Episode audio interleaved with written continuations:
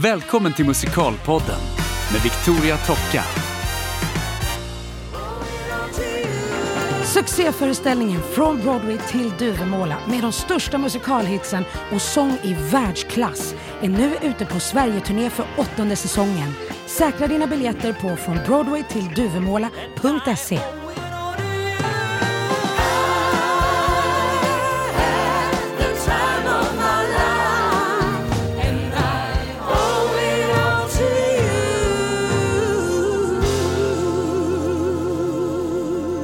Det är eh, ganska tidig morgon och jag är i studion för ett nytt avsnitt av Musikalpodden med Anna-Karin Hidvall. Välkommen! Tack, tack så jättemycket.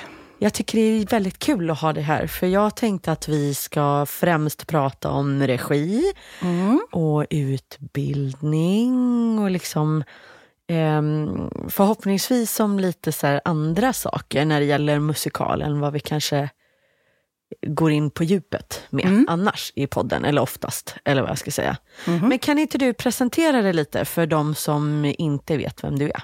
Jo, absolut. Eh, Jag är ju nu eh, 45 snart och har, eh, min bakgrund är ju att jag är skådespelerska Ja. och har gått på Teaterhögskolan i Göteborg eh, 96 till 2000 och jobbade i ganska många år som frilansskådespelerska. Framförallt i början i eh, Göteborg där jag gick och sen så flyttade jag ut till landet och har kuskat runt och gjort det i många år. Ja. Och sen så blev det så att jag lite av en slump via Sofie Goldia som är, är mm, rektor på musikallinjen på Balettakademin i Stockholm. Mm. Hon frågade mig om jag ville komma dit och undervisa lite grann. Ja. Och då började jag med det och sen, då var det lite för mig, hur ska jag säga, som att jag lite hittade hem tillbaka till musikalen. Ja. Jag började undervisa då först bara i teater, men sen började vi undervisa tillsammans och sen undervisade jag ihop med sångpedagogen. Där. Ah, okej. Mm. Så jag jobbade rent alltså, textuellt och med interpretation och med hela med situationerna och skådespeleriet. Ja. Och parallellt med en lärare som jobbade sångtekniskt då. Och sen så blev jag kvar där och gjorde tre slutproduktioner musikal. Och sen så långsamt under de åren så kände jag att nej men det är det här jag vill göra. Ja. Ja, och med Hitta hem menar jag att innan Teaterhögskolan egentligen i mitt liv så var det sången för egen del som var det jag nog em, brann för och önskade. Kommunala musikskolan, underbart, sjöng jag i Ja. tio år i Ja. Kungsbacka där jag är född. Helt fantastiskt. Man fick gå en gång i veckan och träffa Agneta Fransson som var en um, operasångerska från början tror jag Ja. som undervisade där, så då sjöng jag. Och sen så när jag sökte till Teaterskolan så gick vi då i Göteborg, går vi tillsammans med musikal och operalinjen. Så vartannat år med musikal och vartannat med opera, så vi går ihop med sångarna. Ja. Så jag fick sjunga för deras sångpedagog och jag fick vara med i deras slutproduktion, de gjorde Sommarnattens leende. Ja. Och eh, älskade ju fortfarande då att sjunga och gjorde det mycket själv. Men sen efter skolan så gjorde jag en produktion på Stadsteatern med en kollega som heter Steffen Hansen på Soppan där då vi sjöng.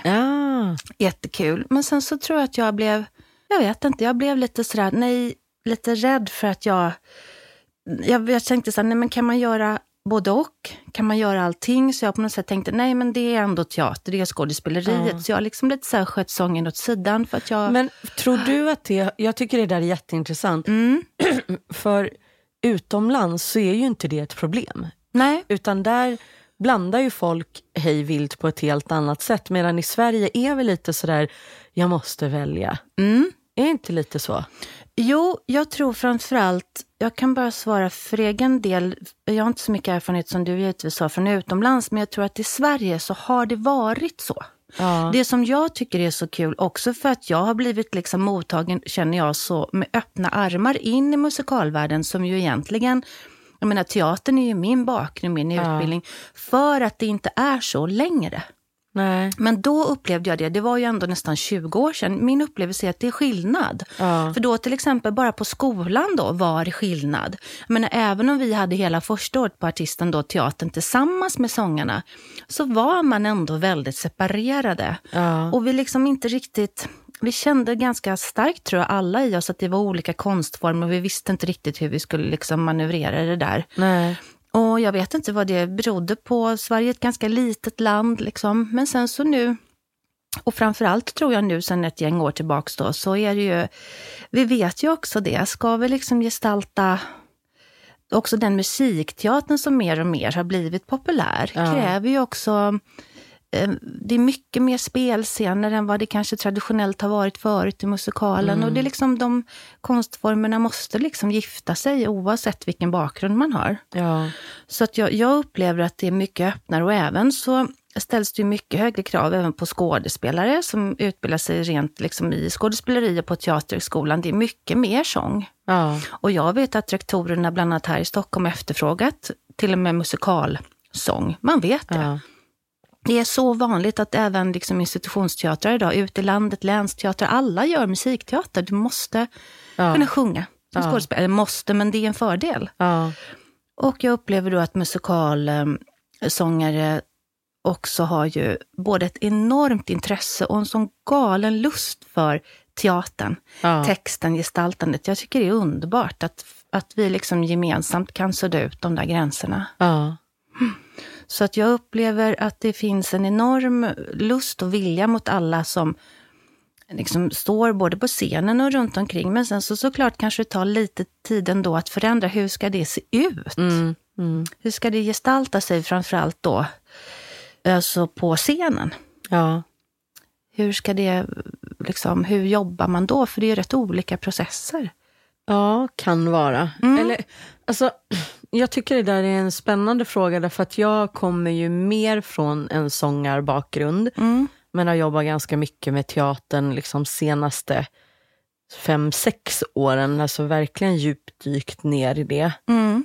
Ehm, och för mig tror jag att det har varit en, en fördel eh, att ha ägnat så mycket tid åt sången först.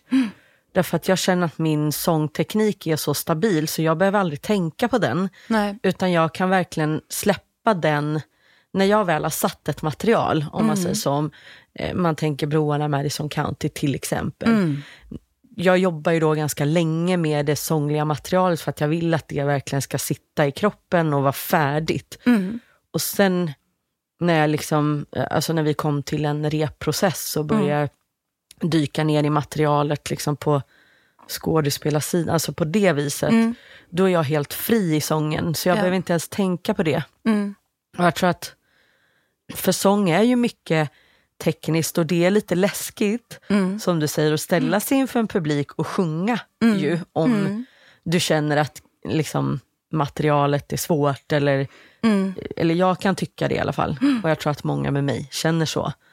Så att, eh, Ja, och jag tror att det är viktigt, precis som du säger, för ibland kan det finnas kanske lite då en sida från, från, från mitt håll och från många som kommer från, från den bakgrunden, att man sådär, ja men jag kan sjunga, eller ja, att man liksom lite krockar i det där att man tror att man liksom på något sätt inte respekterar att det finns en grundprofession. Det är som du säger, jag menar, det är givetvis så att sångtekniken måste ha funnits där och finnas där för att kunna våga sen när man repeterar gestalta. Alltså det, det inte tar ut varann. Ibland kan det bli lite sådär, men vänta, tror du inte då att jag kanske kan få en sån fråga då att men vad då?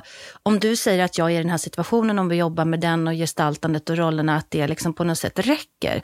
Och det är klart att det inte gör det, men det är olika delar av processen. ja, För att kunna givetvis, som du säger, rent sångtekniskt särskilt, ju- jag menar som i Broarna som du hade när man också har så galet mycket material att sjunga, ja, som också är väldigt tekniskt avancerat många gånger, då självklart måste det ju sitta i sin fysiska kropp innan man börjar. ja men, repetera Framför delvis. allt därför att jag känner att, för mig själv i alla fall, så kan jag bli låst annars vid att eh, alltså, vad ska jag säga, oj nu sjunger jag dåligt eller nu blev det här fult och då kan inte jag mm. liksom eh, eh, koncentrera mig, eller vad jag ska säga, på att jobba med det andra för att jag står och tänker på att Åh, på det här stället måste jag hålla i tonen eller här måste jag mm. göra så för annars spricker eller liksom hej och mm. mm. Men om jag är helt fri i det och bara, men det liksom, mm. det flyter, då kan ju jag vara helt fri i mitt spel också, mm. tänker jag. Absolut. Och jag tycker det, jag bara, nu när du sa det så slog det mig också apropå minne då. Mm. För att jag tänker mycket på det. Vi okejar, alltså det är så rimligt för oss idag att vi har ett motoriskt minne. Det är mm. okej, vi förstår det. Om vi tränar vår fysiska kropp så fattar vi, okej jag bygger muskler, den minns. Mm. Den gör samma sak igen, jag blir starkare, alltså sångtekniskt. Mm. Men då kan jag tycka att, jag vet inte var det kommer ifrån, men jag har upplevt sen jag kom in i musikalen att det finns en slags eh, hur ska jag säga, många säger oftast att ah, det är så lite tid. Ja, det är för lite tid, alltså vi, det är för lite tid. Vi hinner inte det, vi hinner någon slags grundstress. Jag vet inte var det kommer ifrån att man ofta säger det.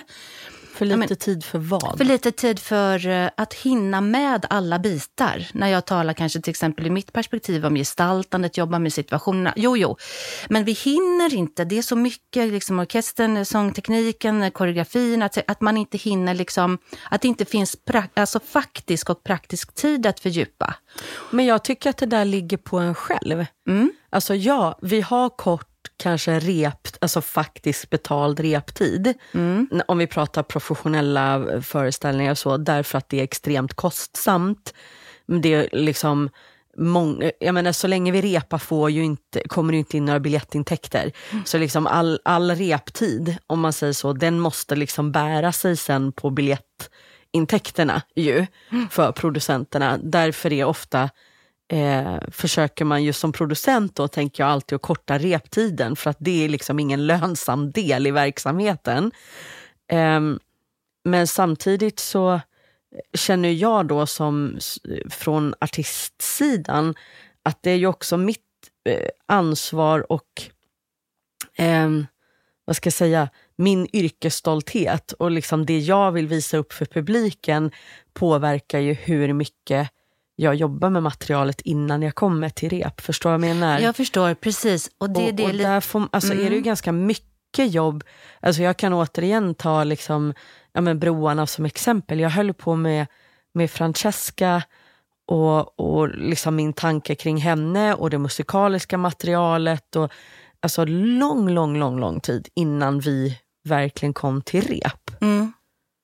Just det, och då tänker jag precis det, att det är tre liksom delar, det är en del och det gör man ju liksom generellt hemma, mm. alltså själv. Mm. Men sen tänker jag del nummer två som är liksom reprocessen, apropå minne, så tänker jag det är där, tillsammans med varandra mm. och med ögonblicket som vi skapar vårt sensoriska minne, som mm, vi sen mm. ska driva en hel, som vi ska ha kontakt med en hel spelperiod. Ja. Och särskilt när det gäller musikal kan det också bli så absurt eftersom man där ibland har mycket, mycket längre spelperioder än vad man har till exempel med teater. Så hur ska du varenda kväll, mm. det är ju inte unikt, för det är ju samma med alla konstformer, men jag menar man måste ju ha fått chans att någon gång prova det innan man ska spela. Ja. Alltså med det sensoriska minnet menar jag. För det är då när du står där den kvällen och har föreställning som du får kontakt med, ah, just det här var det. Det var det här vi har repeterat, det är det här vi har provat tillsammans på det fysiska golvet. Ja. Och sen så kan man givetvis diskutera vilken yttre tid man har eller inte har till det. Men jag tänker att det är i alla fall en del som måste finnas där. Mm. Eh, och som jag tror att um, det är där, um, jag menar jag Eftersom min ingång i musikalen är teatern och, jag, och man alltid har minst åtta veckor och att det är liksom en Ja, processen. Jag älskar ju den. Det är ja. därför jag liksom vurmar så ja, för den. Det är liksom det bästa jag vet. Ja, men det är det bästa, bästa liksom. Det är underbart. Det är där man kan prata. Jag kan ju prata i timmar om ett kommatecken eller ett ord. Det är underbart. Ja. Och så vet man ju inte alltid. Jag menar, det tänker jag, för mig är det det det är därför jag älskar liksom konst och teater och musik. Att, det liksom är, att vi inte vet vad det ska leda. Vi Nej. vet inte det och det är själva poängen. Det är därför vi som är där, vi måste på något sätt också försöka förklara oss och driva att det är det som det är. Det finns en annan dimension, det finns någonting och det kommer visa sig sen när vi står där och publiken har kommit, men vi vet inte hur. Det är hela grejen, att ja. våga vara där. Liksom. Ja.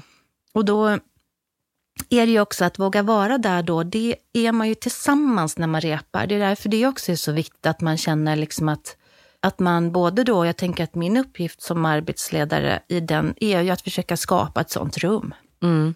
Där man kan känna så, för att jag, jag vet och särskilt vet jag ju, eftersom jag sjungit lite grann innan själv då, att det är svårt att få bort den där liksom gubben eller gumman på axeln när man sjunger. Man har närmare till, generellt tror jag, att liksom slå på sig själv. För det är så tydligt när det inte funkar. Mm. Då måste man få känna, men jag repar nu. Ja. Ta det lugnt, det är inte färdigt. Du ska inte vara klar, det är okej. Ja. Och det är svårt att säga till sig själv. Ja. Så det måste någon utifrån säga, att liksom, inte bara säga det, men skapa ett rum där det är självklart att man jobbar. ja. Att man inte är färdig än. Liksom. Men nu har ju du börjat regissera eh, mer alltså professionell musikal Mm. också. Mm. Vad, tänk, alltså, vad är den största skillnaden när du går in och jobbar om man säger med professionella, eh, ja, professionella människor kontra när du regisserar till exempel en skolföreställning eller jobbar med elever på, på skolan? Mm. Det är nog framför allt det som jag var inne på, att det finns ändå en trygghet i instrumentet. Mm. Alltså i, um, i våras till exempel så gjorde jag en konsertversion av Next to Normal Mm. på Spira i Jönköping med Nina Norblad, Alex Lycke och Kalle Malmberg. Mm. Och då var det, nej men alltså det var så fruktansvärt roligt. Vi hade det så bra och då var ju känslan av att även om vi gemensamt inte vet vart vi ska, vi repeterar, så, så talar man ju givetvis samma språk. För man har erfarenhet av att ha Mm. varit där. Så man kommer, hur ska jag säga, kanske inte, inte snabbare framåt, men man kommer liksom, man har närmare till att komma till en fördjupning. Ja. Det ligger liksom närmare till hands, för man vet vilka rum man ska öppna och man har ju varit där. Ja. Bara, inte bara, men minnen av såklart alla föreställningar man har gjort. Ja, men här brukar jag alltid gå och prova det här. Man har en slags, givetvis, självmedvetenhet. Man är inte så Ja. förlorad till, ah, hjälp mig. Som Nej. det ju blir eh, lite oftare då såklart när man jobbar med elever, att man inte riktigt vet. Och att man inte heller riktigt alltid vet som student givetvis hur man går ut. Så det får man ju lägga mycket tid. Men jag hör vad du säger, men det är det jag ser. Jag ser det. Mm. Man vet inte riktigt, okej jag har gjort de här valen, jag vill det här eller jag driver den här situationen och så vet man inte om det är det som går ut. Nej. Och då måste man, och det är väl alltid ens uppgift som regissör, tänker jag, att spegla det. Ja, men det är det här vi strävar mot och det är det här jag ser. Eller vi strävar mot det här och när ni gör de här valen så är det inte där vi hamnar. Nej. Och jag kan se det här utifrån. Och det måste jag ju göra. För hur ska man annars när man står på scen kunna släppa? Du kan ju inte både vara i en gestaltande situation och samtidigt se dig själv utifrån. Vänta, vad gör jag nu? Ja, Nej, hoppa in nej. och ut, in och ut. Nej, men det går inte. Nej. Och det ser jag så himla ofta. Och det är för herregud, det är inte unikt för musikalen. Men att vi, jag vet inte vad det handlar om. Att vi väldigt, eh, det handlar väl om, att, om tillit, både till sig själv och till processen och till rummet. Att känna att om jag släpper så finns det någonting här som är gemensamt som kan lyfta. Det är inte farligt. liksom. Jag har så ofta själv, liksom, när jag är skådespelerska, känt att vad är det som gör att jag, ja, det här tråkiga ordet kontroll, liksom. vad är det som gör att jag håller i det? Och för mig, jag vet ju vad, varför jag har gjort det och det tänker jag, det är också min så här käpphäst. Jag menar, en skådespelares arbete med sig själv. Ja. Det går ju parallellt. Liksom. Mm. Det är såklart att vi alla bär med oss massa erfarenheter som gör att vi är mer eller mindre blockerade. Och vi kan ju inte plötsligt en dag bara för att vi repar en scen en timme där någon, ens karaktär ska öppna upp, bara göra det. Det är klart att det ligger i oss själva. Så det är någonting som jag förespråkar jättemycket när jag undervisar. Försöker i alla fall, jag hoppas att det går ut, att eh, ni måste göra den resan parallellt. Mm. Ni måste liksom ner där, vad det nu än är. Och även det inte, måste inte vara så att man bär med sig massa mörka saker nödvändigtvis, men vad är det som blockerar dig? Ja, Det är personligt. ja liksom. verkligen. Och det kan jag ju tycka är liksom, apropå utbildning då, att det är svårt, för det är så unikt och det är så personligt att man... Ja, men jag tänker att det där kan ta väldigt olika lång tid för folk också. Mm. Jag, menar, jag kan bara titta på mig själv. Alltså jag var nog inte alls speciellt... Ehm, eh, redo när jag gick på skolan med att släppa taget om grejer. För jag har alltid haft ett enormt sådär, duktighetskomplex. Liksom. Vill att folk ska tycka jag är bra och att jag gör, liksom, är duktig och gör rätt. Eh, och det är ju egentligen bara dåligt när du jobbar med, med teater. Eller, Ja, alltså, på golv. Ja, ja, jo. Därför att det blir väldigt läskigt att prova saker. Ja. Vilket jag har lärt mig nu, är, alltså det är ju en förutsättning att det är helt fritt och att du vågar prova saker. Eh, och det har varit så spännande tycker jag när jag tittar tillbaka på min karriär. Så kan jag se liksom vissa ja, men specifika milstolpar där det liksom har eh, eller aha-upplevelser eller vad vi ska säga. Så jag kommer ihåg första gången jag skulle filma en musikvideo så gjorde vi en, eh, det var nästan som en liten kortfilm till min första liksom, musikvideo, en låt som heter Dark Waltz. Ehm, och ehm, ja, det var liksom som en liten, en liten film på fyra, fem minuter blev det. Finns på Youtube om ni vill kolla. Men i alla fall, och det roliga var att då eh, spelade jag själv en av huvudrollerna i Sagda lilla musikvideo såklart. Eh, och sen var min motspelare Johannes Kunke. Eh, och eh, det var liksom första gången jag jobbade med en eh, liksom professionell skådespelare på det sättet. Och jag lärde mig så oerhört mycket av Johannes på de dagarna vi spelade ihop och jobbade ihop. Just för att han var så extremt fri.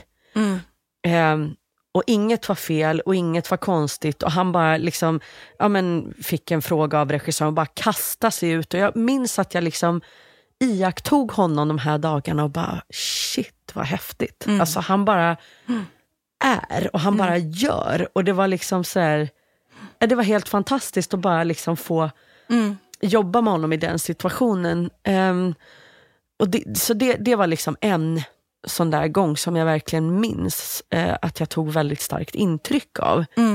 Ehm, Men det är också speciellt då, för där beskriver du, alltså, det är ju lite vanligare kanske då i musikalen, särskilt givetvis när du har din faktiska sång, att du är mer ensam. Och det som du säger, att hur, hur skapar vi då en situation där jag har det är samma sak när man jobbar med monolog såklart. Vem pratar jag med? Vem riktar jag mig till? Att skapa en situation där du inte upplever att du är ensam i den bemärkelsen att jag ska ensam bära den här sången i den bemärkelsen att jag ska prestera den. Som du säger, du, när du beskriver nu att du jobbar med Johannes så kan du ju via honom själv släppa. Ja. Du ser, wow, vi gör det tillsammans, han gör det och jag är så här. Att det blir en slags, ja såklart, ni kommunicerar. Liksom. Och det är ju svårare då när man sjunger. Hur ska jag känna, inte bara känna, men hur ska jag skapa ett rum där jag kommunicerar bortom mitt jag. Blicken på mig själv utifrån, Ja. liksom, att komma till det. Ja. Och, och det tänker jag, det är ju det som jag tycker är det absolut roligaste arbetet med musikteater. För för mig är det liksom precis samma sätt att närma sig som man gör med teatertext. När Ja. man, alltså med den faktiska sångsituationen. Just det. Hur man jobbar då Ja. och hur man tänker. Mm. Nej men alltså som sagt, det finns säkert jättemånga olika sätt att göra det där. Men för mig då som kommer från både lite klassisk sång, Adolf Fredriks musikklasser, duktighetskomplex, hej och hå. För mig så har det varit väldigt mycket det här med att eh, vad ska jag säga, få kontroll över sången då, Ja. om jag säger så. Så att för mig så är det väldigt viktigt att jag har gjort min läxa i god tid. Så att jag kan släppa den delen som jag annars så att säga får ångest över, eller vad jag ska säga. För har jag gjort allt det där, då kan jag gå in liksom och släppa på allt det andra sen. Ja. Men om jag inte har gjort hemläxan, då blir jag fortfarande, fast att jag är 43 år nu, stressad över att ja, men jag sjunger inte så bra som jag borde göra. Eller, förstår vad jag menar? Men det är ju min grej. Ehm, Men det är lite nu också, jag tänker så här, om jag överför det liksom på när jag, när man är skådespelerska då och är i en process, så är det ju, hur ska jag säga, det handlar ju inte om att man, om man ska likna det då, alltså själva det personliga liksom arbetet och förberedelsen, så är det ju så att Även om du inte kommer till första dags repetition och kan all din text utan till så är det ju någonting, alltså Jag tror stenhårt på KVMs djupläsningsmetod. Vi hade aldrig honom i Göteborg, han var ju professor här i Stockholm. Mm. Men som handlar om det, att läsa och läsa om igen utan att värdera. Så att det Mm, sitter, och det jag tänker lite parallellt då med liksom sångtekniken, att sjunga det om och om igen, inte för att du ska bestämma dig hur det ska Nej, låta, precis. men att för att din kropp är fylld av den här musiken. Den sitter överallt, du vet whoop, vart du ska, vilka riktningar det har.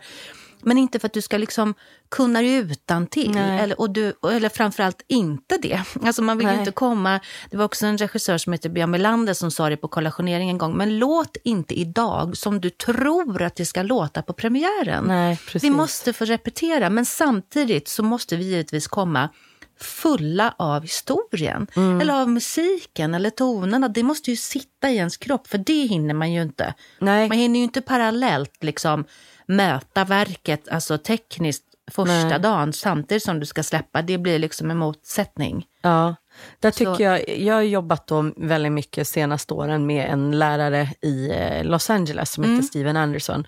Eh, och han har en övning, framförallt då när det gäller text och inlärning av text, där han pratar just eh, om det här att liksom eh, inte bestämma hur du ska säga orden, utan när du lär dig en text så eh, alltså skapa helt nya förutsättningar varje gång du läser den. Liksom ena gången, eh, alltså när du drar ditt manus så, ja men viska det bara.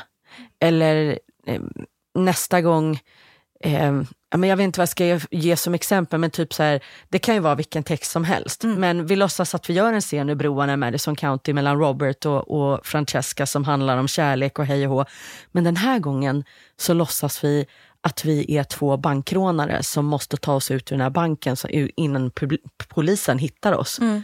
Och hur läser du texten? Och bara få nöta in texten på en massa olika sätt så att du inte bestämmer dig för Ja, vad du ska göra. Just det här du pratar om, att hur s- det ska få sätta sig i kroppen utan att du lägger värderingar i orden. Liksom. ja.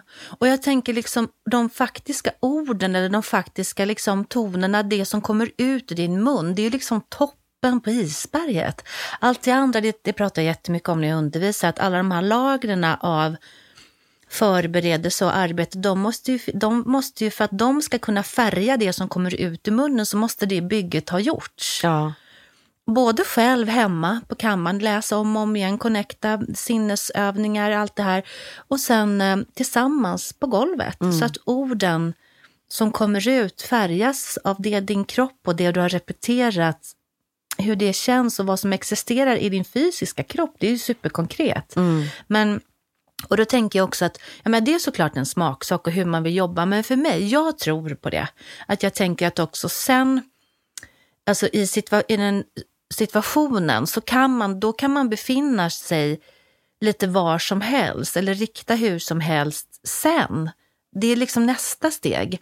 Att jag som regissör såklart har valt om man alla övergångar rent tekniskt vart man befinner sig i det faktiska sceniska rummet. Det är såklart, det är mitt förberedelsejobb. Det måste ni vara trygga med att det har, det är koll på det, hur det ska ske.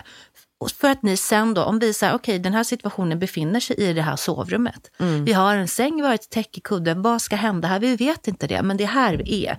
Ni kan inte gå ut och plötsligt befinna er på gatan, för det funkar inte. Nej. Situationen är det här rummet, punkt. Men sen, vad händer då? Ja. Och då är jag liksom, och det pratade vi mycket om och jobbade med med Next to Normal. Det är också en resa att man också är trygga med varandra. Det finns säkert många som tänker, åh herregud, åh gud, kan inte hon bara, jag vet inte, men kanske tänka så här, åh gud vad vill du nu och det är så mycket och hur ska jag? Och då tänker jag att självklart man får känna vad man vill, men så jag tror på det.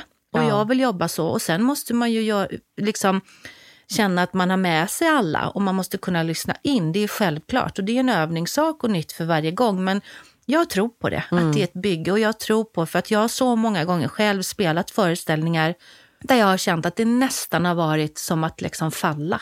Bara ner i ett svart hål när man ska börja spela. Herregud, vad är det? Vad har vi här? Om jag inte står på den här punkten och tittar dit, som jag har gjort nu åtta veckor, då är jag lost. Ja. Och det är så hemskt att känna den känslan av att jag känner sig så otrygg på scenen. Ja. Jag har känt det många gånger. Och det har ju också att göra med att jag, det var ju oftast kanske tidigare i ens karriär när man inte heller kanske visste hur man själv skulle repetera. Nej. Var är jag nu? Okej, vecka tre händer alltid det här mig eller så. Så det är också en personlig resa, men det är inte bara det. Det är också en känsla av att det där bygget ganska ofta inte har funnits där. Liksom, som man gör gemensamt, men framförallt ju då som de som sitter utifrån ska hjälpa en att bygga. Ja. Och det är hemskt. Liksom. Då ligger ju ganska nära till att få nästan någon form av scenskräck. Mm. Man vågar inte. Och då, um, jag har känt det så många gånger och då till exempel det som jag tycker är fantastiskt, också med alla tystnader, vad finns i mellanrummen, allt det där. Då när jag har känt så, då vågar jag aldrig, jag pratar så här hela tiden, jag vågar inte stanna en enda gång för jag tänker om jag slutar prata då bara då. Mm. Det är hemskt. Mm. Och det känner man ju också som publik, att hela rummet är bara fullt av ett bundet flöde. Det är ingen som vågar stanna Nej. och pausa. Och det är extra viktigt tänker jag i musikal, där det ganska ofta är så att musiken rullar på. Ja. Men i de ögonblicken där det inte är musik, vad händer då? Ja. Och ja, det var en klok människa i min närhet som också pratade om det, som inte är så inne i musikal, som också kände det tycker jag är spännande. Det är någonting nytt att forska kring. Att han sa det att, men det är så konstigt i musikal, sa han, att man aldrig jobbar med övergångarna. Aldrig, men ofta inte. Att man så här, färdigt black, ljus upp, nästa situation. Ja. Och då sa han som har liksom, är en teaterperson, så här, det är ju där särskilt då, där inte musiken rullar på, som det kan finnas möjlighet att, vad händer nu? Ja. Vad händer mellan här? Finns det ögonblick? Kan vi skapa helbild? Kan vi skapa någonting annat som inte finns i det faktiska materialet? För vi har ju så mycket vi måste förhålla oss till. Ja. Ja. Och, och det tycker jag är spännande. Då tänkte jag så här, ja, det har du faktiskt rätt i. Vad ofta det är så. Tada! Uh, slut, svart. Upp, ljus upp, nästa. Ja. Och det är inte alltid så att massa tid går. Så att vi måste liksom berätta det genom att vi har black. Så det tycker jag är spännande.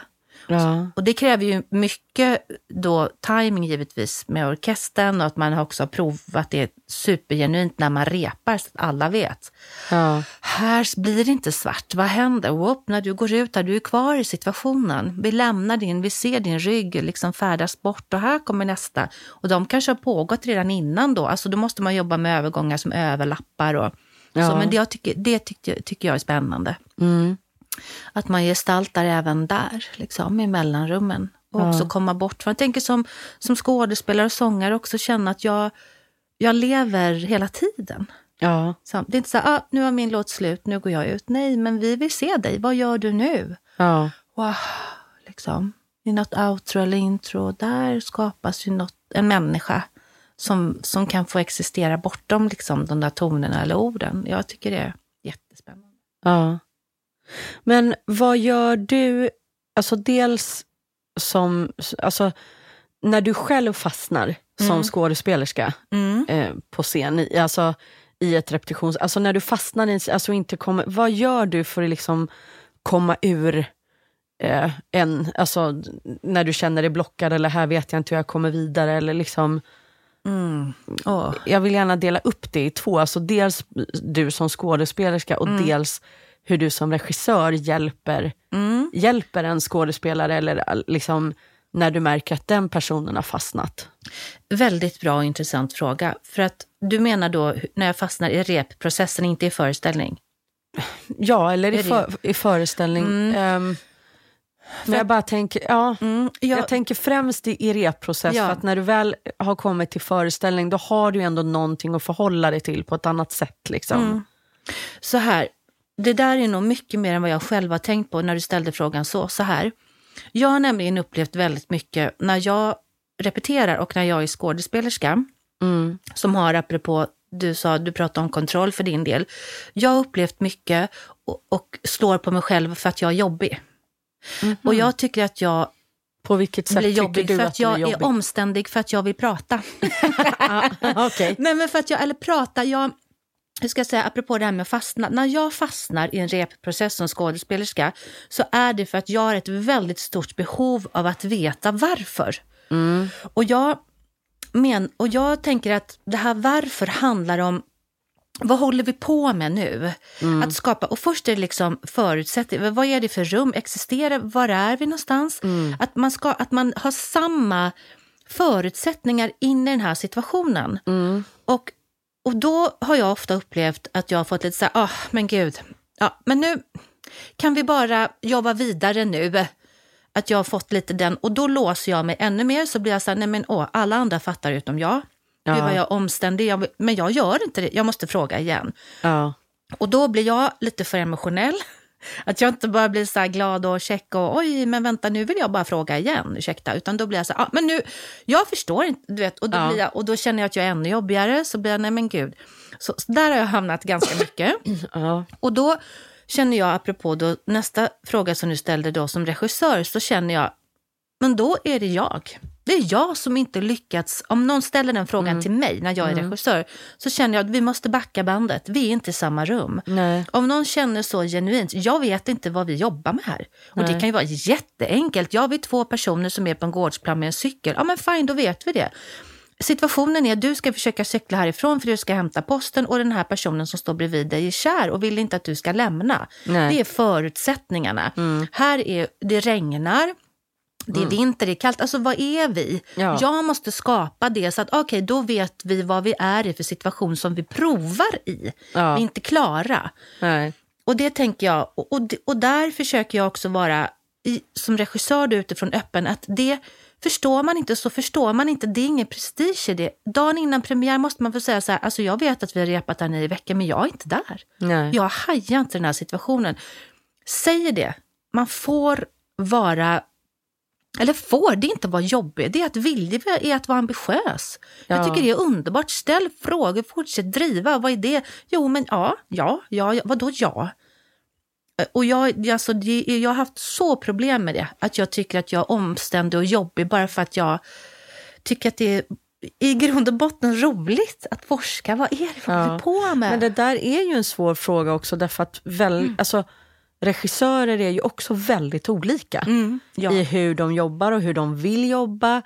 Ehm, och inte bara regissörer utan kanske förutsättningar i olika föreställningar. Så jag tänker, jag har exempelvis gjort Phantom of the Opera som är en föreställning som har sett exakt likadan ut liksom i över 30 år och de vill att det ska se ut på ett visst sätt och vara på ett visst sätt. Ehm, jag upplevde inte då, när jag gjorde den föreställningen, att det hindrade mig. Nej. Eh, för att jag älskar Phantom of the Opera. Och kun, alltså, var helt med på varför saker är som de är. Alltså sådär. Så att jag hade inte så mycket frågor, utan jag ville bara vara Kristin, som jag hade sett i London, liksom när jag blev förälskad i föreställningen. Så för mig var det helt okej. Vrid huvudet hitåt på den här tonen, absolut. Liksom, det fanns inget så här, varför? Nej. Nej, för att så är det. Liksom. Och sen kände jag att jag ändå fick utrymme så att säga, att färga min Kristin som jag ville inom de ganska tajta ramarna. Så det var inte ett problem för mig. Men eh, jag kan tänka mig att eh, beroende på vilken föreställning du kommer in i och så, där, så kan det vara ett liksom, gissel att, att fastna i att det måste vara så här. Och där finns det ju inte heller utrymme att fråga varför ska jag vrida huvudet här? För då får du typ sparken. Nej men alltså du får ju ställa frågan men svaret du kommer få är därför att det har sett ut så här i 30 år och det är koreografin, eller liksom det är så vi gör det, punkt. Det. Och då tänker jag att eh, där får du egentligen inget bra svar på varför. För att svaret på varför är därför att det alltid har varit så här, vrid på huvudet. Och då tänker jag att då får man ju liksom i det läget som musikalartist eller, eller skådespelare bara finna sig att okej, jag kanske inte förstår exakt varför jag vrider huvudet här, men det är det de vill att jag ska göra och så får jag liksom lösa det inom mig själv. Ja. Men eh, det är ju ändå ganska ovanligt att det är så hårt styrt. Om man inte gör just de här liksom väldigt eh, hårt styrda konceptmusikalerna. Liksom. Ja, det är också som du säger, det är såklart olika, både olika regissörer, olika processer, olika verk, olika roller. Vissa roller känner man ju så här, men den här personen har jag levt med i ett tidigare liv. Alltså vi är bara ett, så är det ju ibland. Ja. Och det är fantastiskt och då är man ju bara på tåget från dag ett. Då kan man ju leka och prova och skoja för man är där. Men sen ibland får man den där rollen där man känner, mm, det är någonting, är inte på banan, jag brottas med det. Och då ger jag sig själv att det är okej, det får ta lite längre tid ibland. Liksom. Och sen så också det du säger, det Men därför... det är ju jätteläskigt för då Ja. är man ju inget bra. Alltså, förstår du, där kommer ju min ångest Mm. liksom då. När man bara så här, herregud, jag, jag fattar inte, jag hittar inte. Eh, det är en jättetuff situation egentligen för den här människan, men jag känner inte. Mm. Nej. Jag, hon borde kanske gråta här. Eller så här, men jag bara känner ingenting. Mm. Nej. Men då har jag liksom bara fått, eh, återigen tack vare Steven, då, Mm. just det där att ingenting är fel. Hon, kanske, hon kanske reagerar så. Mm. Alltså människor kan ju reagera, alltså, kan reagera på alla sätt. Det är därför som Alltså- du säger, det är därför man också utbildar sig eller fortsätter forska. Mm. Som du säger, det kan ju vara så att man är i en sån produktion såklart, där allting är superstyrt, alltså som en koreografi. Och det är då man måste ta fram sin stora verktygslåda. Okej, Mm. jag, det här är ramen, punkt. Jag kan inte ifrågasätta den, det är inte aktuellt. Och jag har sagt ja till det här jobbet. Nej Mm. men fine, då vet man, då, då är det förutsättningarna. Mm. Men då måste man ju börja fylla alla de där rörelserna själv. Ja. Och det är ju ett annat jobb. Och då vill man ju som du säger, okej jag vet jag ska titta, när börjar det? Varför vänder jag mig här? Men det är mycket tidigare. Man jobb, då får man ju jobba med, jag har det här schematiska mönstret, så får man ju då får man jobba åt andra hållet. Ja. Man har redan den här bilden och så får man långsamt jobba sig neråt istället från andra hållet. Ja. För då, allting måste ju finnas där ändå, men det är olika typer av processer. ja, precis. Och o- också då som du säger, olika tid. ja. Och, eh, men där någonstans vill man ju ändå komma fram till att man blir en hel person. Ja. Att det är en persona med en fysisk kropp och med en röst och med ord och sång, allting som är, ska kännas genuint. Det är ju vårt mål. Även Ja. om vi står på eller om vi tittar som publik eller jag som regissör.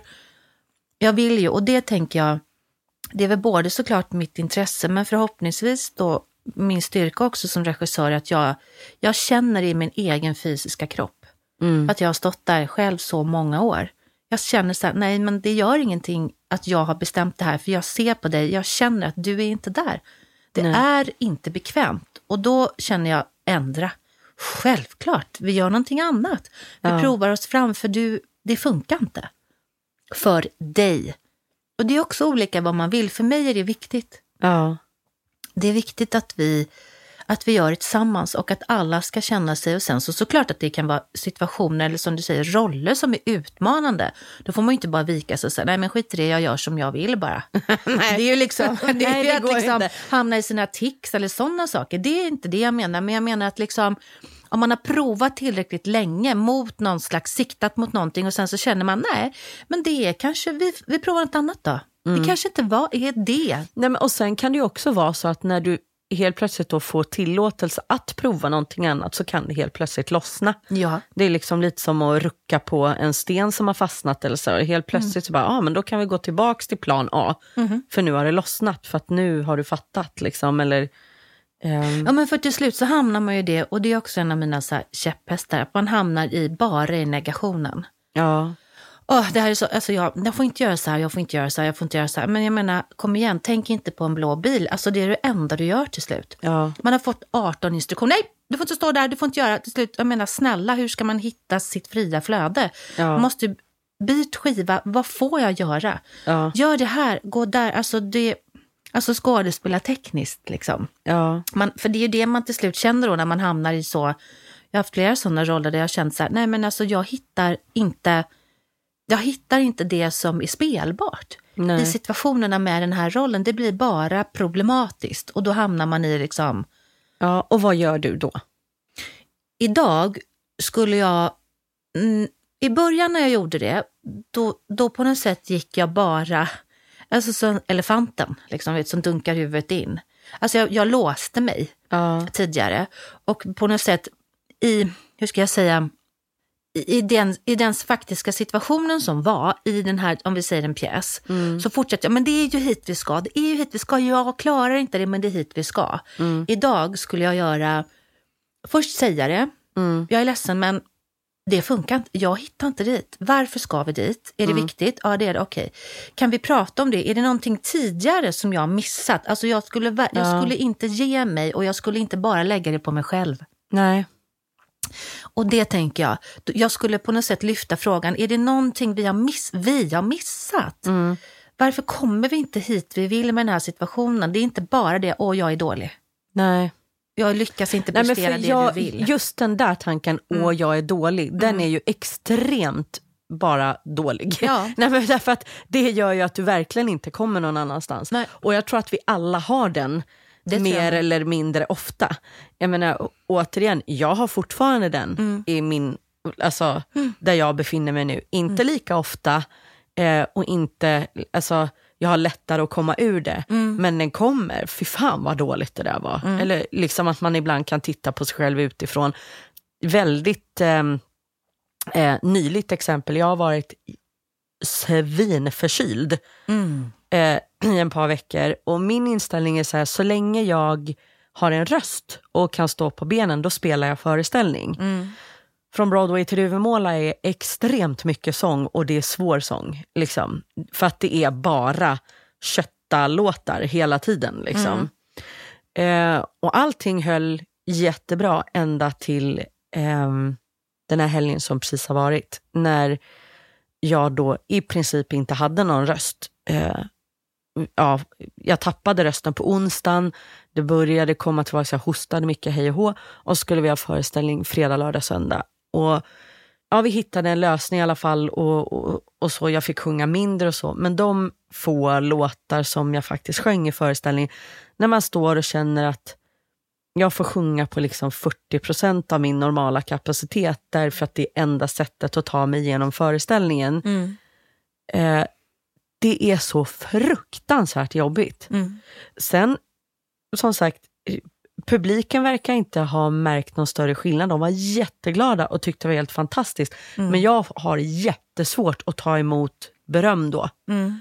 När jag känner att, du vet, jag inte har varit... Alltså när jag bara står och känner, fy fan vad jag är dålig nu. Mm. Och sen kommer folk och bara, vilken fantastisk föreställning, du var helt fantastisk. Och man Mm. bara, men nej.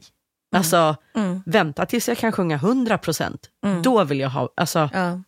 Men det Förstår där är? Men jag det är förstår precis vad du skitsvårt. menar. Det där tycker jag är en klassiker. Men det Att där, när jag man är tänk- sjuk. Ja, Mm. men och jag bara tänker, det, det är samma sak. Liksom, alltså till exempel om du spelar Phantom of the Opera, 200 föreställningar, Mm. så har du ju vissa kvällar så bara, fy fan vad jag var dålig idag. Jag kände det inte, jag hittar inte. Och publiken står ändå upp och ger dig stående ovationer och man bara, ingen fattar någonting och jag är bara dålig. Mm. Och sen kan du ha en dag när du själv känner, fy fan vad jag var bra idag. Mm. Men du kanske inte alls får samma reaktioner från Mm. publiken. Det är ju extremt personligt och individuellt. Och jag tror att där måste i alla fall jag och säkert många med mig lära oss att det är, alltså, det är inte jag som värderar föreställningen. Det är inte jag som värderar... Alltså, det är ju de, alltså alla som sitter och tittar på föreställningen kommer ha sin egen upplevelse Mm. oavsett. Och det här är en, en jättespännande grej tycker jag, som Steven också pratar om. Du var inne på det tidigare, om att bara prata på eller bara liksom, du behöver inte göra någonting. Mm. Du kan sitta helt tyst på en scen i 20 minuter, en timme. Och alla som sitter i publiken kommer ha haft sin egen upplevelse av vad som egentligen hände. Mm. Så du behöver inte. Mm. Alltså, du kan bara vara, för du är intressant nog som du är. För de som sitter och tittar kommer de alltid hitta någonting. Och för mig var det också en sån här jätteviktig grej att få höra. Du behöver inte göra eller liksom, du Och det behöver bara där vara. tror jag är precis grejen som du beskriver när man är sjuk. Ja. Att det är så ofta att man får höra då när man är sjuk att fan vad bra du var idag. Mm. Och så blir man, som du säger, då slår man på sig själv så här, men tack, du tyckte jag var bra idag när jag typ var magsjuk. Fan, man blir nästan provocerad. Skojar du? Eller hur? För att man bara, men okej, allt annat jag gör. Men det som jag tycker är intressant i det är det där, ansträngningen. Ja. När du är sjuk så har du inte så mycket energi. Så du måste liksom orkestrera den lilla energi du har. Så du jobbar liksom, tror jag, kan man i alla fall, kan det vara att jobba mer lagom. Mm. Alltså du använder, här, här kan jag, och jag måste hålla tillbaka. Så du är mer, du använder, du orkestrerar dig själv och din energi på ett sätt som man kanske inte alltid gör. Man har maxkraft. Jag menar bara för att man själv känner, gud vad underbart det var idag. Jag bara kunde ge allt. Och som du säger, man, då kan man ju som publik kanske nästan känna tvärtom. Nej men gud vilken jobbig människa. Hon bara la sig på oss och var helt onyanserad. Och, Så att jag tror att det kan också ha med det att göra. Det är två olika, men jag tänker Mm, publikuppfattningen när man är sjuk, att det faktiskt kan vara så. Att Ja. man visst kände att, att det funkade jättebra, men ens egen upplevelse är såklart annorlunda för att man Ja. hade inte lika mycket kraft. Men det är intressant att det ofta är så att man får höra att, Ja, att det är bra eller vad det nu är då, men när man är sjuk. ja, Någonting annat som man får kontakt med. Liksom. ja. Men det, liksom, jag tror att det är väldigt viktigt att bara förstå att min personliga upplevelse här Mm. och nu, alltså, det är klart att det är mycket härligare att stå och känna att jag är i det, eller liksom så här, jag är i upplevelsen och jag är här och nu och allt det här. Det gör man ju inte alltid. Men i slutändan så handlar det inte om min personliga upplevelse, Nej. utan det handlar om upplevelsen de där ute har. Och det kommer vara lika många upplevelser som det finns personer i rummet. Ja, och det är därför man också så här, jag menar, det är därför det egentligen är så otroligt meningslöst att ens Exakt. tänka en sekund på hur de ska ta emot det. Ja. Men alltså snälla, då kan vi lika gärna gå och hänga, alltså det kan vi hålla på med liksom i 200 år. Ja. Så får du fråga varenda person i publiken varenda kväll och så får du tänka, ja den där är viktigare, eller vad då? Egentligen rent intellektuellt så är Exakt. det ju det sämsta vi kan göra. Att försöka liksom se hur det vi gör här uppe i den bemärkelsen, eller värdera hur det ska tas emot. Ja. Såklart att vi måste göra val, vad vill vi berätta? Men det är ju någonting annat. Men i vår personliga, liksom, i vårt personliga gestaltande och uttryck, att inte fundera på, är jag omtyckt? Tycker, tycker de att det är bra nu? Eller du, liksom, det, nej. Nej men för att det är meningslöst. Och när du väl kommer till den insikten och kan släppa Mm. den biten, helt plötsligt så blir du så himla mycket bättre och friare. Mm. Alltså, så Och kan jag tror känna- faktiskt, det du säger då när du ställer frågorna, vad gör du då? Då tror jag att det är det.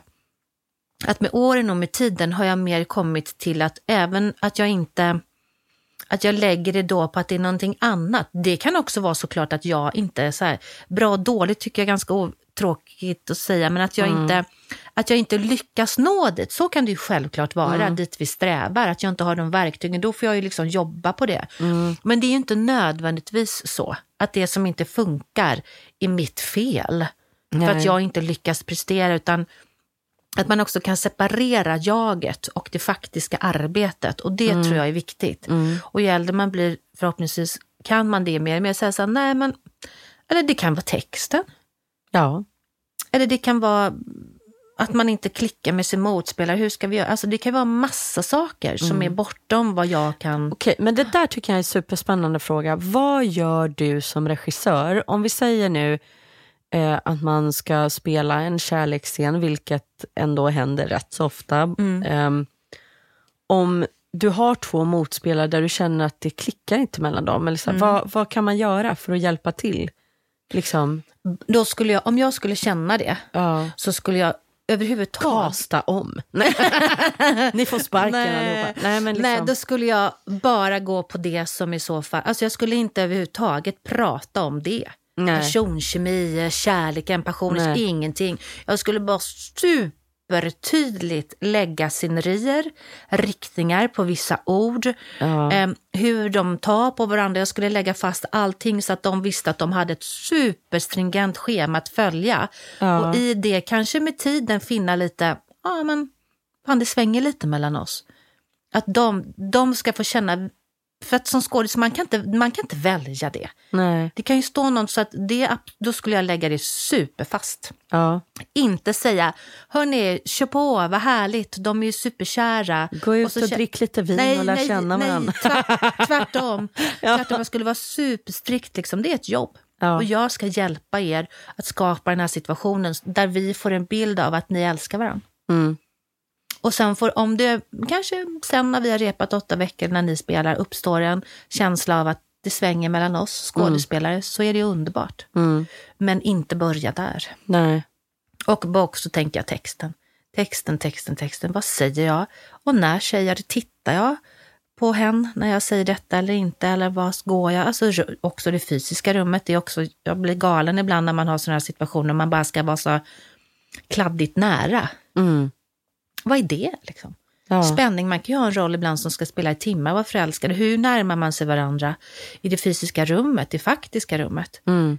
när händer det? Att det, det finns en dramaturgi i en kärleksrelation och den Ja. är ju supersvår, det, eller det är omöjligt att skapa den själv på scenen. Ja. Den måste man se utifrån. Nu hände, "Ah, vad gjorde han? Okej, jag tyckte han rörde mig. Ah, nej, jag såg något fel. Och sen, ah, nu, Ja. två scener längre fram. Wow, han tog med handen på hennes rygg bara för att hon inte tittade på, eller liksom, det är ju, Ja, ja. det är ju ett, en dramaturgi. För det är så lätt att man hamnar i det när man ska vara kär, att man bara själv ska prestera någon slags sann kärlek. Ja, och jag tror att det där är liksom en...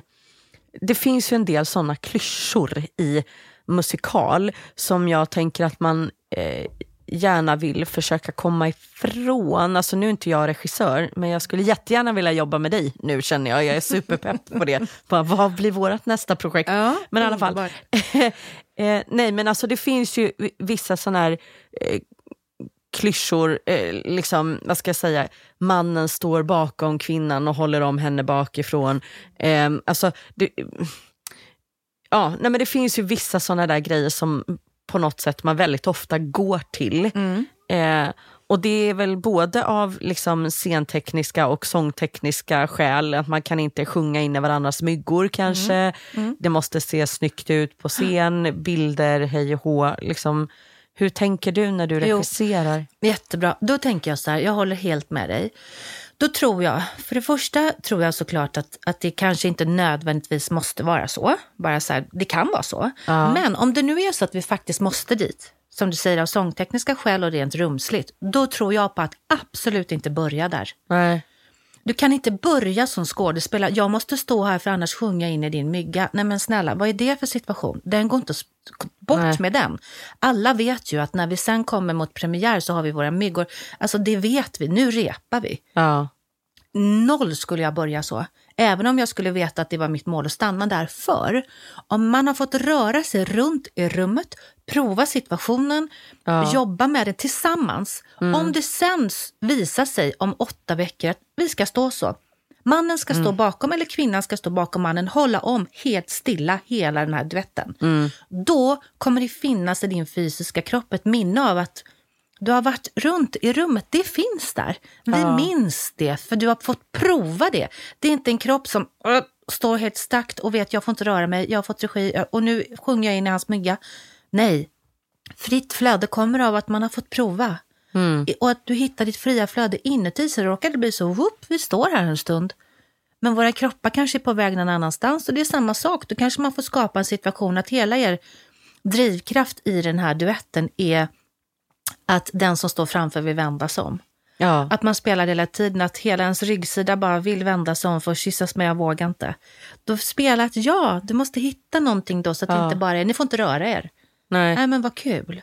Hur ofta har man inte sett det? Att det står två Ja, men jag personer bara som tänker att det, ganska ofta så finns det ju liksom, det finns några så musikalklassiker Mm. på något sätt, tycker jag. Som ganska ofta används. Mm. Liksom.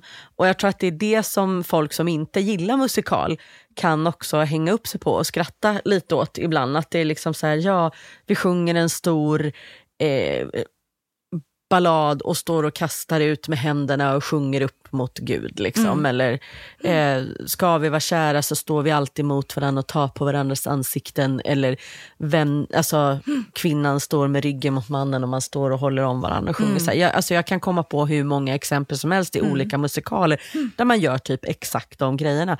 Och jag bara funderar på liksom, hur, ja, nej men hur man liksom kommer ur det där. Och sen, sen en annan grej som jag tänker väldigt mycket på är eh, just där hur fysisk behöver man vara på scen i, alltså det var ju någonting som vi diskuterade också mycket eh, under broarna till exempel, alltså repperioden och sådär. Hur mycket behöver man ta på varann eller klä av varann eller eh, liksom hej och hå för att liksom illustrera det man vill visa. Eh, och det där är också en jättesvår fråga tycker jag. Därför att, jag menar återigen, jag, jag kommer ihåg att nu vill inte jag sitta och prata om andra föreställningar som jag inte tyckte var så himla bra kanske. Så här. Men där är liksom eh, kladdas jävligt onödigt mycket och vi ska klä av varandra och hångla mitt i låtar. Och så här. Man bara, vi kan väl illustrera på ett annat sätt utan att man sitter som publik och funderar på liksom, hur mycket ska... Alltså förstår du? Mm, För det känns som att man som publik i det läget då kanske börjar tänka mer på andra grejer. Alltså, Mm. Jag vet inte, men det, det är en... mm. Ja, Men det är också så, det är intressant med sådana frågor för att det är ju så personligt också såklart, apropå det vi pratade om förut, vem man är som publik. Ja. När man blir obekväm.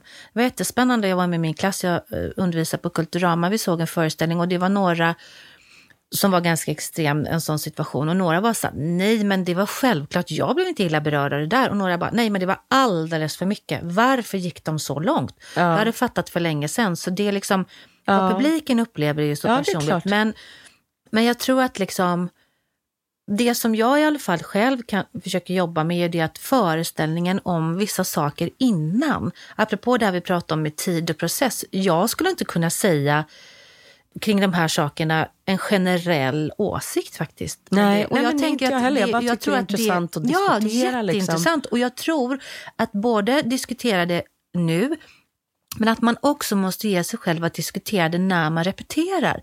Mm. Liksom, för, för, det, för det jag i alla fall tror är Mm. att man kan inte lura publiken. Vi känner om man har sagt att du ska stå bakom henne och så sjung den här duetten. Det känner vi. mm, mm. Och sen kan det vara en, en situation som är exakt likadan. Alltså den fysiska placeringen i rummet är likadan, men vi känner att det är meningen. ja. Han har hamnat där på grund av någonting och det är det som är arbetet. För det kan jag känna som regissör och det är mitt liksom som jag jobbar med mycket och kommer få jobba med mycket. Det är det att jag tänker att det är inte, det jag tror på och det sättet jag vill jobba på är inte good enough. Mm. Att jag tänker att, för det är det som är, det är det som är mitt intresse, det är det som är min bakgrund och min kunskap. Det där, de små ögonblicken, hur kommer jag fram till det här? Det är kanske inte så extravagant, det kanske inte är en sån extrem ett sätt att liksom presentera ett projekt i. Man kanske inte har massa coola färger i scenografin som man vill se, utan men det är det där mötet, det mänskliga mötet och att det är avgörande för vad som sen visar sig när, när man ska börja spela. Små saker, när man tittar, hur man rör vid varandra, det är ett bygge man gör tillsammans. Och jag tror på att det är helt avgörande för det sen. Och sen kan man vara naken i tre timmar. Det kan gå jättebra. Mm. Om man har kommit fram till att det är det vi vill. Och alla är bekväma med det. Eller så känner man att vi behöver inte ens röra vid varandra. Nej. Man gör Romeo och Julia utan att de en enda gång tar på varandra. Att det bara vibrerar i luften eller vad man nu vill. Ja. Men att man inte har bestämt det. Jag har bestämt att ni inte får röra vid varandra. Så, nu behöver vi repa åtta veckor. Jaha, nej, åh gud, jag får inte. Ja. Ja. Och det känner man ju också som skådis alltid om man är med i en produktion. Så aha, aha, det är redan bestämt. Ja. Okej. Men då kanske det är inte ens meningsfullt, då behöver jag ju inte ens prova. Nej. För du har redan bestämt att jag måste stå på den här trästammen i två och en halv timme. för att det är så här cool bild av att jag är i skogen. Ja. Om jag vill säga, jag skulle vilja prova att jag kliver ner. Det är inte aktuellt. Liksom, för Nej. det är en, idén, Ja. regidén är att jag ska stå där. Då är det ju svårt som skådis, så att, åh herregud, okej. Oh. Mm. Då får man i alla fall försöka, tänker jag, om man märker det med en gång, vilket man ju ibland kan göra, okej, det kommer inte vara förhandlingsbart. Jag ska stå här två och en halv timme. Ja. Då tänker jag, nu idag, jag har haft några sådana situationer tidigare, men idag då skulle jag, okej, då skulle jag acceptera det om jag Ja. märkte att det var kört. Men då skulle jag se till att repetera på ett annat sätt och göra upp det. Jag fattar det. Ja. Då skulle jag säga det. Jag ser att jag fattar, jag får acceptera det, annars får man ju hoppa av. Ja. Det kan man göra. Ja. Min svärfar sa någon gång, då får man ta det långa sceneriet och gå hem. Och Det, eller hur? Och det får man ju liksom, det. Långa sceneriet och gå hem. Ja, Ja. det får man ju ibland, för man kan ju inte heller vara en jävla neggobomb i Nej. nio veckor och bara säga nej till allting. Nej. Bara all, i största allmänhet. Utan okej, jag ska stå på den här stocken och då skulle jag säga, jag fattar det att det är dit vi ska, men jag vill ändå repa. Ja. Jag vill repa med att det finns en skog här bakom, att jag kan liksom Ja. dansa i löven, men jag ska hamna på stocken sen, fine. Ja. Är, vi med, är du med mig på det? Liksom? Då skulle jag göra någon sån överenskommelse. Så att jag inte bara står fast där. Nej. Och då kanske regissören säger nej, det vill inte jag. Jag vill bara att texten ska flöda här, det ska bli något slags, och du får inte röra dig. Och då får man ju ta ställning till det. Ja. Liksom. Och med de kloka, visa orden så är det dags att börja avrunda. Vi skulle ju kunna sitta och prata Ja, hur länge, hur länge som som helst. helst. Ja, Men ja. det är ju ett enormt intressant eh, ämne ändå. Och hela meningen till varför vi jobbar med det här, Mm. känner jag. Ja. Så, tusen tack för att du ville komma och dela med dig lite grann i alla Tack fall. Och jag jag ser komma. ju fram emot när vi ska jobba ihop Ja. nästa gång. Eller nästa någonsin, vi har Ja. aldrig jobbat ihop. Nej, men det har vi inte, det det låter. Mm. ju helt magiskt. Jag är på. Så Tack, kan vi säga. detsamma. Tack snälla Anna-Karin Hidvall. Tack. Musikalpodden med Victoria Tocka.